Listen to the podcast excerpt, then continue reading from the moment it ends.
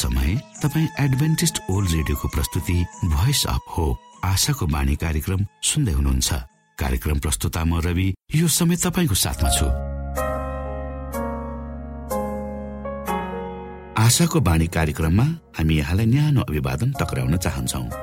तपाईँको व्यक्तिगत जीवनले परमेश्वरको सत्यता र उहाँको प्रेम अनि मार्गदर्शनका विषयमा चाहिने महत्वपूर्ण कुराहरूलाई प्रष्टसँग बुझ्न सकुन् भन्ने उद्देश्य सहित प्रस्तुत कार्यक्रम आशाको बाणी तपाईँको आफ्नै कार्यक्रम हो। दैनिक यसलाई सुन्नुहोस्। आफ्ना मनमा यदि शङ्का दुई विधाहरू छन् र तपाईँ हामीलाई प्रश्न गर्न चाहनुहुन्छ भने हामीसँग तपाईँ सजिलै सम्पर्क गर्न सक्नुहुन्छ।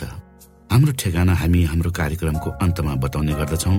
हाम्रो कार्यक्रममा सक्रिय रूपमा सहभागी भएर हाम्रो उत्साहलाई बढाउने समस्त श्रोतामा आज पनि तपाईँलाई चाहिने प्रकारको कार्यक्रम लिएर हामी उपस्थित भएका छौँ। श्रोताको चाहना र श्रोताको व्यक्तिगत जीवनका भलाइका कुराहरूलाई समेटेर प्रस्तुत गरिने यो कार्यक्रम आशाको बाणी तपाईँ सुन्दै आउनु भएको छ र आज पनि हामी त्यही क्रममा छौँ। सुरुमा सुनौ यो मधुर क्रिस्टीय भजन। बग्नदी सलाला सलाला।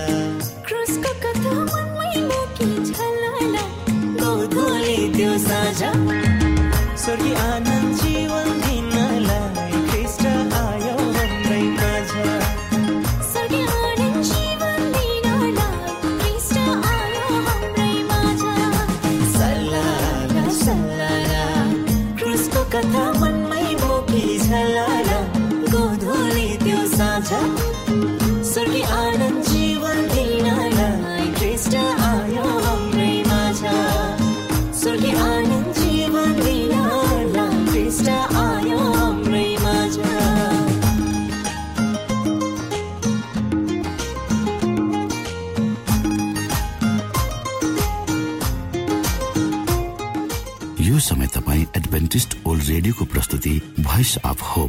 आशाको बाणी कार्यक्रम सुन्दै हुनुहुन्छ। श्रोता मित्र यो समय हामी पास्टर उमेश पोखरेलबाट आजको बाइबल सन्देश सुन्नेछौ। श्रोत साथी न्यानो अभिवादन। म तपाईँको आफ्नै आफन्त अर्थात् पास्टर उमेश पोखरेल। परमेश्वरको वचन लिएर यो रेडियो कार्यक्रम मार्फत पुनः तपाईँहरूको बीचमा उपस्थित भएको छु। मलाई आशा छ तपाईँ दिन प्रतिदिन हाम्रो कार्यक्रमलाई सुनिरहनु भएको छ र परमेश्वरको प्रशस्त आशिषहरू पनि प्राप्त गर्दै हुनुहुन्छ।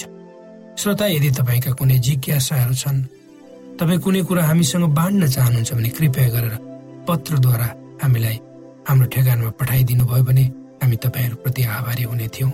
आजको प्रस्तुतिलाई सुरु गर्नुभन्दा पहिले आउनुहोस् हामी परमेश्वरमा अगुवाईको लागि बिन्ती राख्नेछौँ। जीवी जिउँदो महान दयालु परमेश्वर प्रभु हामी धन्यवादी छौँ। यो जीवन र यो जीवनमा दिनुभएका प्रशस्त आशिषहरूको लागि। प्रभु यो रेडियो कार्यक्रमलाई म तपाईँको हातमा राख्दछु। यसलाई तपाईँको राज्य महिमाको प्रचारको खातिर यो देश र सारा संसार कुना कुनामा पुर्याउनुहोस्। ताकि धेरै मानिसहरूले प्रभु तपाईँको ज्योतिलाई चिन्न सक्नुहोस् र तपाईँको राज्यमा आउनुहोस्। सबै बिन्ती प्रभु यीशुको नाममा। आमेन। श्रोत साथी अलेक्जेन्डर ग्राम बेल टेलिफोनका आविष्कारकर्ता स्कटल्यान्ड भन्ने देशमा जन्मेका थिए। उनले संसारको शान्त वातावरणमा काम गरे भनेर भनिन्छ। उनले प्रकृतिद्वारा निरन्तर शक्ति र शान्ति खोज्ने प्रयास गरे। उनकी आमा बहिरी थिइन्। उनकी श्रीमती मेबल पनि बहिरी नै थिइन्। उनीहरूका दुईवटा छोराहरू थिए। दुवैको मृत्यु जवान अवस्थामा भयो। भनेर भनिन्छ। र ग्राम बेलको मृत्यु अगस्त बाइस उन्नाइस सय बाइसमा भयो भनेर भनिन्छ। जब ग्राम बेलको अन्तिम संस्कार गरिँदै थियो सारा अमेरिकाभरि एक मिनटको निम्ति टेलिफोन सेवा रोकियो। स्तब्ध भयो उनको महान आविष्कारको सम्मानमा उनका सुन्दर काला आँखाहरू थिए तर दुर्भाग्यवश उनी प्रकाशलाई प्रत्यक्ष हेर्न सक्दैनथे उनको जिन्दगीभरि उनी टाउको दुख्ने बिमारले सताइएका थिए। आफू मर्नुभन्दा पहिले उनले रिपोर्टरहरूलाई भने जो मानिसले लगातार कुनै कुराको अनुसन्धान वा लेखाजोखा राख्दछ र आफूले गरेको कुराको हेक्का उसलाई हुन्छ तब त्यस व्यक्तिलाई मानसिक रूपमा छिडो भएको भन्न मिल्दैन। किनकि उसलाई थाहा छ उसले गरेका कुराहरू कसरी र किन हुन् भन्ने कुरा ऊ निश्चित हुन्छ। के तपाईँ हामीले सांसारिक आवाजहरूबाट आफूलाई टाढा राख्न हाम्रा कानहरूलाई कहिले पूर्ण रूपमा बन्द गरेका छौँ वा बन्द राख्ने प्रयास गरेका छौँ श्रोता? जब हामीले आफ्ना कानहरूलाई पूर्ण रूपमा बन्द गर्छौँ त्यसपछि हामीहरू चकमन्नको संसारमा हुन्छौँ। के हामी शान्ति र आनन्द चाहन्छौँ। जसले हामीलाई खुसी साथ परमेश्वरको निम्ति असल काम गराउन अभिप्रेरित गर्दछ। शान्तिले हामीलाई संसारको कोलहालबाट टाढा राख्छ। त्यसपछि हामीहरू परमेश्वरको काममा बढी लगनता साथ लाग्दछौँ। राजा दाउद आफ्नो शान्ति मनको विषयमा कुरा गर्छन्। जब उनी परमेश्वरको शान्तिमा हुन्छन् तब आफ्ना विरुद्ध शैतानले गरिरहेको योजनाहरूले उनको शान्ति मनमा कुनै विचलन ल्याउँदैन। हो श्रोता यदि तपाईँ हामी परमेश्वरको शान्तिमा रहन सिक्यौँ भने परमेश्वरको शान्तिमा आफूलाई रमाउन दियौँ भने निश्चय नै सांसारिक कोलहालबाट हामी टाढा रहनुपर्छ रहन सक्छौँ।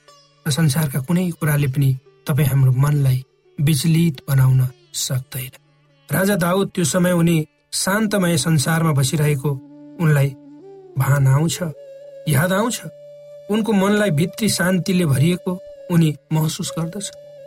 राजा दाउदको यो विश्वास राजा दाउदको यो विश्वास हामी सबैको निम्ति ठुलो उदाहरण र पाठ हो। त्यसैले उनी भन्छन् म त बहिरो मानिस चाहिँ भएको छु जसले सुन्नै सक्दैन र मुखै उघार्न नसक्ने मानिस जस्तो म गुङ्गो भएको छु। खराब र दुष्ट मानिसहरूका नराम्रा कुराहरू सुन्नुभन्दा आफ्ना कानहरूलाई बन्द राख्नु अति उत्तम हो जसले हामीलाई शान्त आत्मा दिन्छ। यस्तो अवस्था जब कसैले कसैको विषयमा नराम्रा टिका टिप्पणीहरू गर्छ खराब कुराहरू गर्छ भने त्यस्ता मानिसहरूबाट टाढै रहनु उपयुक्त हुन्छ। र यो अवस्थामा आफूलाई परमेश्वरमा फर्काउनु पर्छ तब हाम्रो जीवन आनन्दित र मिठो नै भइरहन्छ। शान्ति भनेको सुन्दरता हो। शान्ति भनेको सुन्दर हो। यदि हामीले हाम्रो जीवनमा धैर्यतालाई कायम राखी शान्तमा रह्यौँ भने परमेश्वरको आवाज अझै तपाईँ हाम्रो लागि महत्त्वपूर्ण हुन्छ। परमेश्वरको आवाजमा हामी रमाउन सिक्छौँ। परमेश्वरको आवाजले तपाईँ र मलाई ढाडस दिइरहनु भएको हुन्छ हामीसँग सल्लाह गरिरहनु भएको हुन्छ। Graham Bell. उनको आफ्नो शारीरिक कमजोरीको बावजुद उनले अरू मानिसहरूलाई सुन्न सक्ने बनाए। त्यसपछि दूर वा टाढा माइलकाहरूले दूर र माइलहरूको मानिस बीच कुरा गर्न सक्ने। त्यसपछि टाढा टाढाका मानिस बीच कुरा गर्न रोक्न कसैले सकेन। एकअर्कालाई टाढा टाढामा रहे तापनि मानिसहरूले सुन्न सक्ने भए र आफ्ना कुराहरू राख्न सक्ने र त्यसैले उनको आविष्कारको अर्थ वा महत्व अझ बढ्यो। उनी आफ्नो जीवनभरि टाउको दुखाइबाट पीडित भए पनि आफ्नो रोगको विषयमा उनले सोचेन तर निरन्तर सोचे त टेलिफोनको निम्ति त्यसको आविष्कारको निम्ति। र उनैको प्रयास र त्यो कडा परिश्रमको कारणले आज मानिसहरूको बीचमा वार्तालाप हुन सकेको छ र मानिस टाढा टाढा भए पनि एकअर्कामा निरन्तर सम्पर्क र सम्बन्धमा रहन सक्ने भएका छन्। त्यसकारण उनको प्रयासलाई हामी र उनको आविष्कारलाई हामीले सम्मान गर्नुपर्छ श्रोता। श्रोता साथी आजको युगमा बाँचेका तपाईँ हामीहरू अरूको कुरा सुन्नमा धैर्य गर्न सक्दै हामी आफ्नै प्रयास चालबाज र ज्ञानमा भर परेर आफ्नो जीवनका पाइलाहरूमा आइपर्ने सम्पूर्ण कुराहरू चाहे ती राम्रा वा नराम्रा किन्न हुन् लाई आफ्नै सोचाइमा तुरन्तै समाधान गर्न वा लक्ष्यमा पुग्न आतुरी हुन्छ। र यसले कहिलेकाहीँ हामीलाई फाइदै पुर्याए तापनि अन्ततो गत्वा त्यसको परिणाम पछिसम्म नहुन सक्छ। एउटा भनाइ छ कम बोल्नु र धेरै सुन्नु तर हामीले त्यसको उल्टो गर्दछौँ। धेरै बोल्छौँ अनि सुन्छौँ कम। त्यसैले त धेरै पटक आफ्नो यात्रामा असफल भएका छौँ होइन त? श्रोत साथी हामी मानिसहरू स्वभावैले म र मलाई भन्ने कुरामा केन्द्रित भएर अगाडि बढेका हुन्छौँ। त्यसैले त हामीबाट निस्वार्थपन सेवाका हातहरू चाहिएका बखतमा पनि खुम्चिन सक्छन् वा खुम्चिरहेका छन्। त्यो हामीले आफ्नै जीवनमा अनुभव नगरेका कुरा होइन। जब तपाईँ हामी समस्याहरू अप्ठ्याराहरू चुनौतीहरूको सामना जीवनमा विभिन्न क्षेत्रबाट गरिरहेका हुन्छौँ त्यति बेला निश्चय नै हामी आवेगमा हुन सक्छौँ। हाम्रो हताश मनस्थितिले सही निर्णय नलिन सक्छ र कुन कुरा गर्दा ठिक हुने वा नहुने त्यसलाई छुट्याउन समेत हामीलाई हम्मे हम्मे परेको हुन्छ। हाम्रा विरोधीहरू वा शत्रुहरू। हाम्रो यस्तो परिस्थितिलाई देखेर खुसी भएका हुन सक्छ र हाम्रो पीडामा अझै आगो थप्ने काम उनीहरूको बोली व्यवहार र हाउभावले गर्न सक्छ। यो कुरामा तपाईँ हामीले आश्चर्य भन्ने मान्नु पर्दैन। किनकि हामी पापपूर्ण संसारमा पापै पापको दलदल हिलोमा गाडिएका छौँ। जताततै भ्रष्टता र दुष्टताका छायाहरूले तपाईँ हामी सबैलाई गाँजेका छन्। लाग्दछ यो संसार एउटा कहाली लाग्दो मसान घाट हो जहाँ मुर्दाहरूलाई निर्दयता साथ जलाइन्छ र खरानी बनाएर फालिन्छ अनि अर्को मुर्दालाई पुनः त्यही ठाउँमा राखिन्छ। यो क्रम निरन्तर चलिरहन्छ। यसै बीच मानिसहरू एउटा अदृश्य र अव्यक्त पीडामा बाँच्नु भनेको केवल आफ्नो लागि क्षणिकतामा एउटा पशु सर बाँचिरहेका हामी पाउँछौँ। तर परमेश्वरको त्यो इच्छा होइन। जब उहाँले मानिसलाई बनाउनु भयो यदि तपाईँ र मैले परमेश्वरमा भर पर्न सिक्यो भने जस्तो सुकै प्रतिकूल परिस्थितिको बावजुद पनि यदि तपाईँ र म परमेश्वरमा शान्तमा रहन सक्यौँ भने हाम्रो मन कति आनन्दित हुन्थ्यो होला। जब हामी परमेश्वरको विश्वासमा गाडिएका हुन्छौँ तब हामीलाई परमेश्वरले निरन्तर ढाडस र साहस दिनुभएको हुन्छ। जति बेसी हामी परमेश्वरसँग समय बिताउँछौँ त्यति नै बेसी हामी उहाँसँग भर पर्न सक सिक्छौँ र आफ्ना सबै चिन्ता फिक्री समस्या र अप्ठ्याराहरू परमेश्वरमा राखेर शान्तिको यात्रामा हामी परमेश्वरसँग हिँड्न सक्छौँ। जब तपाईँ हामी परमेश्वरमा नजिक हुन्छौँ पूर्ण रूपले आफ्नो जीवनलाई उहाँमा समर्पण गर्दछौँ। तब जीवनमा आउने जस्ता सुकै प्रतिकूल परिस्थितिहरूमा हामी विचलित हुँदैन वा हाम्रो यात्रा विचलित हुँदैन। जति समस्याहरू अप्ठ्याराहरू सताहटहरू तपाईँ हामीले आफ्ना जीवनमा भोग्छौँ त्यति नै हामी खारिँदै जान्छौँ। परमेश्वरको अगुवाईमा हामी हिजोभन्दा आज परिपक्व हुँदै डह्रो हुँदै जान्छौँ। यदि हामी सही बाटोमा हिँडेका छौँ भने हामीले हाम्रो बाटोमा आउने कुनै पनि कुनै पनि किसिमका अवरोधहरूबाट तर्कनु वा भाग्नु पर्दैन। त्यसलाई परमेश्वरको ज्ञान र अगुवाईमा हामी जित्न सक्छौँ र आफ्नो निर्दिष्ट यात्रालाई निरन्तरता दिन सक्छौँ। श्रोत साथी हामीले धेरै मानिसहरूसँग सङ्गत गरेका छौँ होइन त? कोही कोही मानिसलाई बाहिरबाट हेर्दा बडो डरलाग्दो देखिए तापनि भित्रबाट त्यो मानिस कमजोर भएको हामीले पाएका छौँ। छैनौँ र हाम्रो जीवनमा जस्तो सुकै परिस्थिति भएर हामी अगाडि किन नबढौँ? हाम्रो लक्ष्यमा हामी दृढ हुनुपर्छ। र परमेश्वरको अगुवाई दिन प्रतिदिन हामी कडा मेहनत र परिश्रम साथ अगाडि बढिरहनुपर्छ। तब एक दिन हामी अवश्य लक्ष्यमा पुग्न सक्छौँ। के तपाईँले यो वास्तविकतालाई महसुस गर्नुभएको छ? श्रोत साथी तपाईँ हामी यो संसारको कहाली लाग्दो अवस्था भएर गुज्रिरहेको छौँ। जताततै अशान्ति कलह झै झगडा र कोलाहालमा आफूले आफूलाई पाउँछु। र छ पनि यदि तपाईँ यी सबै कुराहरूबाट टाढा रहन चाहनुहुन्छ तपाईँले आफ्ना कानहरू बन्द गर्नुपर्छ अर्थात् संसारका धेरै मानिसहरू छन् संसारले ल्याउने धेरै कुराहरू छन् ती कुराहरूबाट आफ्ना कानलाई बन्द राख।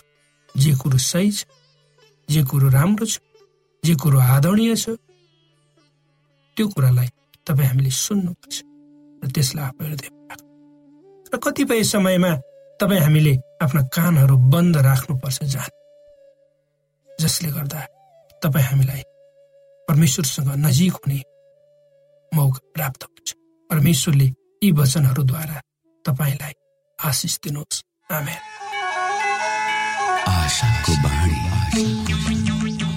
श्रोता भर्खरै यहाँले पास्टर उमेश पोखरेलबाट बाइबल वचन सुन्नुभयो। यो समय तपाईँ एडभेन्टिस्ट ओल्ड रेडियोको प्रस्तुति भोइस अफ होप आशाको बाणी कार्यक्रम सुन्दै हुनुहुन्छ। कार्यक्रम सुनेर बस्नुहुने सबै श्रोतालाई हामी हाम्रो कार्यक्रममा स्वागत गर्न चाहन्छौ। श्रोता मित्र यदि तपाईँ जीवनदेखि हरेस खानु भएको छ तपाईँका जीवनमा धेरै अनुत्तरित प्रश्नहरू छन् भने आउनुहोस् हामी तपाईँलाई परमेश्वरको ज्योतिमा डोहोर्याउन चाहन्छौँ र तपाईँ आफ्नो जीवनका चिन्ता फिक्रीबाट निश्चिन्त हुनुहोस् र बाँच्नुको आनन्द परमेश्वरको सामिप्यमा कति मिठो हुन्छ त्यो चाख्नुहोस् भनी हामी चाहन्छौँ। श्रोता यदि तपाईँ आशाको बाणी कार्यक्रमलाई अनलाइन सुन्न चाहनुहुन्छ वा डाउनलोड गर्न चाहनुहुन्छ भने www.awr.org डट एडब्लुआर डट ओआरजीमा जानुहोस्। त्यहाँ तपाईँले प्रत्येक दिनको कार्यक्रम सुन्न र डाउनलोड गर्न सक्नुहुनेछ। हाम्रो वेब पेज यस प्रकार छ www.awr.org dot AWR dot O R G श्रोता यदि तपाईँ हामीसित सिधै फोनमा सम्पर्क गर्न चाहनुहुन्छ भने हाम्रा नम्बरहरू यस प्रकार छन्। अन्ठानब्बे एकसाठी पचपन्न शून्य एक सय बिस. अन्ठानब्बे एकसाठी पचपन्न शून्य एक सय बिस. र अर्को अन्ठानब्बे अठार त्रिपन्न पन्चानब्बे पचपन्न. अन्ठानब्बे अठार त्रिपन्न पन्चानब्बे पचपन्न. यो आशाको बाणी रेडियो कार्यक्रम हो। म धनलाल राई यहाँहरूलाई यस कार्यक्रममा न्यानो स्वागत गर्दछु। आजको समसामयिक विषयको प्रस्तुतिका साथ मिना राई। श्रोता साथी उद्देश्य प्रेरितका आत्मा परिवर्तित कथाहरूमा आजको कथा कमलिथा बुल्स र हेरोल्ड बुल्स नौ कक्षाको विद्यार्थीको प्रभाव मार्सल आइल्यान्ड पेसिफिक समुद्र। श्रोता साथी पेसिफिक समुद्रमा रहेका टापुहरूको देश मार्सल आइल्यान्डको दुर्गम टापुमा रहेको सेभेन डे एडभान्टेज मिसन स्कुलमा कमलिथाले आफ्नो छोरो फेडरिकलाई पढ्न पठाएकी थिइन्। एक दिन उनको छोरो त्यस स्कुलबाट घर आएको थियो र त्यसै दिन उसले आफ्नी आमालाई हप्ताको सातौं दिन साबत बारेमा प्रथम पल्ट सुनाएको थियो। तर साबतको बारेमा थाहा पाए पनि आठजना छोराछोरीहरूकी आमा कमलिथाले आफूले मानि आएको आइतबारे चर्च नछोड्ने अठोट गरेकी थिइन्।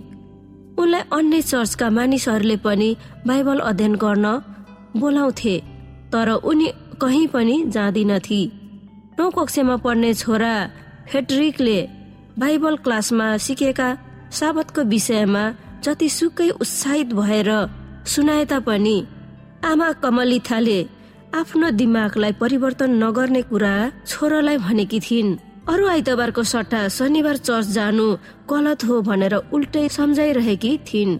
आमा तपाईँले आफै बाइबल पढेर पत्ता लगाउनुहोस्। मैले सत्य कुरो गरेको हो कि होइन भन्ने कुरा तपाईँ आफैले थाहा पाउनुहुनेछ। कमलिथालको छोरो फेड्रिकले भन्यो कमलिथाले आफ्नो जेठो छोरो फेड्रिकले इसाई शिक्षा पाओस् भनेर इपेहीमा रहेको सेभेन डे एडभेन्टिस स्कुलमा पठाएकी थिइन्। त्यो स्कुल उनको घर नजिकै पनि थियो। तर इभेहीको स्कुलमा बाहिरी कलेजमा किशोर किशोरी विद्यार्थीहरू आएर अंग्रेजी पढाउने भएकोले अरू स्कुल भन्दा नाउँ चलेको थियो। फेड्रिकले आफूले सिकेका बाइबलका वचनहरू र कण्ठ गरेका पदहरू आमालाई सुनाउँथ्यो।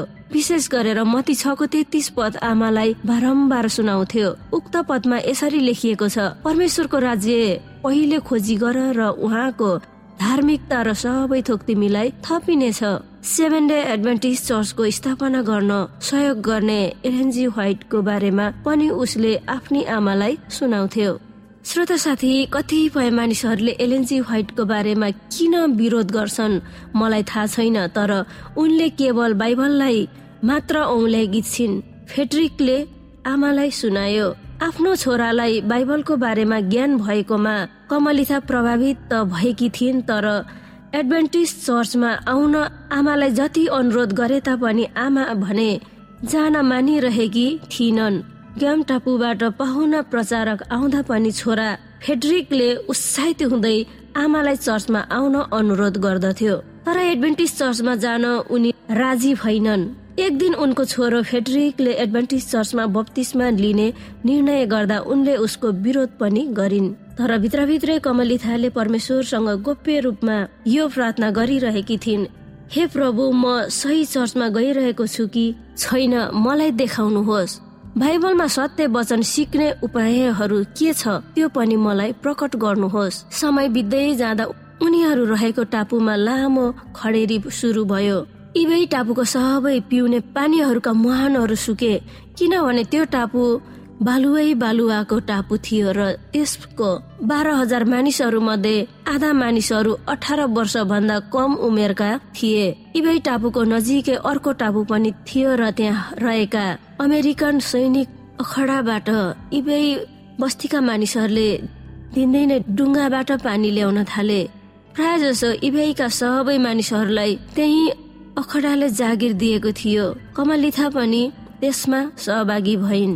एक दिन पानी भर्न मानिसहरू जम्मा भइरहेका थिए। त्यस बेला तिनीहरू मध्ये बेलायतबाट आएकी एकजना शिक्षिका पनि पानी लिन पर्खिरहेकी थिइन्। उनी इबे स्कुलमा पढाउँथिन्।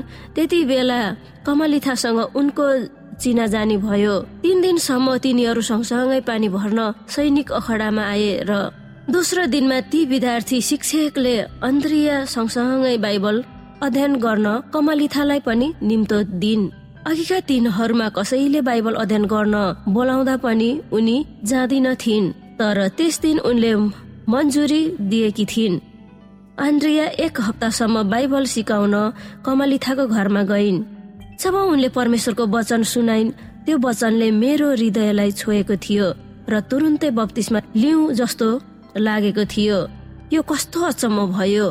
इबै टापुका विभिन्न सम्प्रदायका मानिसहरूले मलाई तिनीहरूको चर्चमा बोलाउँथे तर म कहीँ पनि जान्नथे तर जुन दिनदेखि मैले एडभान्टिसहरूले सिकाएको सत्य सुने त्यस दिनदेखि म त्यो सत्यप्रति आकर्षित भएर मैले बत्तिसमा लिएँ कमलिथाले भनिन् यो खुसीको खबरले उनको छोरा फेड्रिक खुसीले गदगद भएको थियो।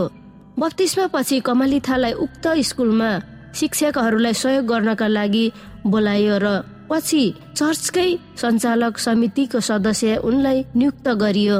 अब कमलिथा आफ्नो श्रीमान हेरोल्डको निम्ति पनि घन्टौसम्म प्रार्थना गर्न थालेकी थिइन्। हेरोल्ड सैनिक अखडामा भान्सेको नायिकेको रूपमा काम गरेर घर फर्कन्थे। उनी चुरोट र रक्सीको लतमा नराम्रोसँग लागेका थिए। बेलुका घर फर्कँदा उनी रक्सी र चुरोटले मातेका हुन्थे। एक दिन एडभेन्टिस पास्टर टमी किल्मेले उनीसँग बाइबल अध्ययन गर्न हेरोल्डलाई अनुरोध गरे।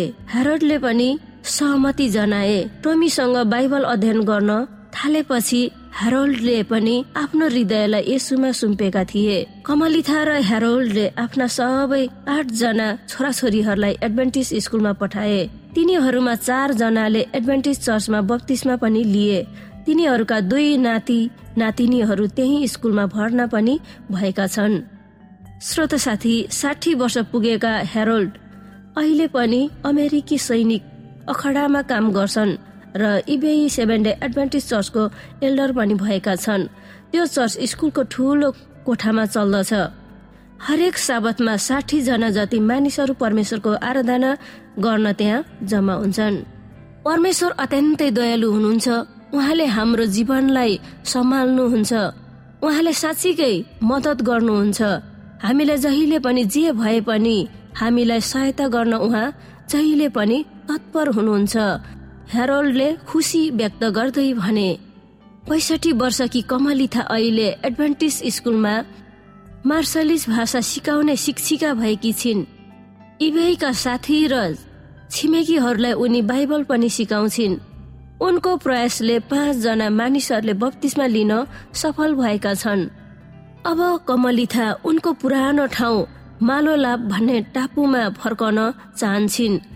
त्यहाँ एडभेन्टिज चर्च स्थापना गर्न चाहन्छन्।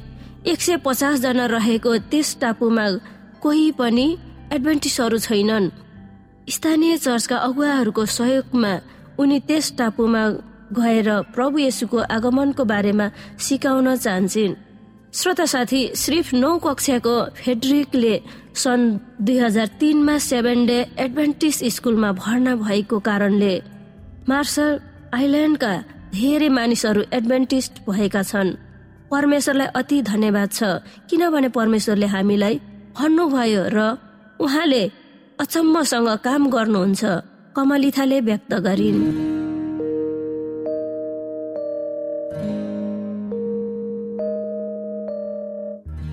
श्रोता घडीको सुईले समय सकिन लागेको संकेत गरिसकेको छ। हाम्रो ठेगानाको बारेमा यहाँलाई जानकारी गरौं। आशाको बाणी पोस्ट बक्स नम्बर दुई शून्य शून्य शून्य दुई काठमाडौँ नेपाल। यसै गरी श्रोता यदि तपाईँ हामीसित सिधै फोनमा सम्पर्क गर्न चाहनुहुन्छ भने हाम्रा नम्बरहरू यस प्रकार छन्। अन्ठानब्बे एकसाठी पचपन्न शून्य एक सय बिस। अन्ठानब्बे एकसाठी पचपन्न शून्य एक सय बिस। र अर्को अन्ठानब्बे अठार त्रिपन्न पन्चानब्बे पचपन्न। अन्ठानब्बे अठार त्रिपन्न पन्चानब्बे पचपन्न। हवस् त श्रोता हाम्रो कार्यक्रम सुनिदिनु भएकोमा एकचोटि फेरि यहाँलाई धन्यवाद दिँदै भोलि फेरि यही स्टेशन र यही समयमा भेट्ने बाजा गर्दै प्राविधिक साथी राजेश र पास्टर उमेश पोखरेल र कार्यक्रम प्रस्तुता म रवि यहाँसँग विदा माग्दछौ। परमेश्वरले तपाईँलाई धेरै धेरै आशिष दिनुभएको होस्। नमस्कार।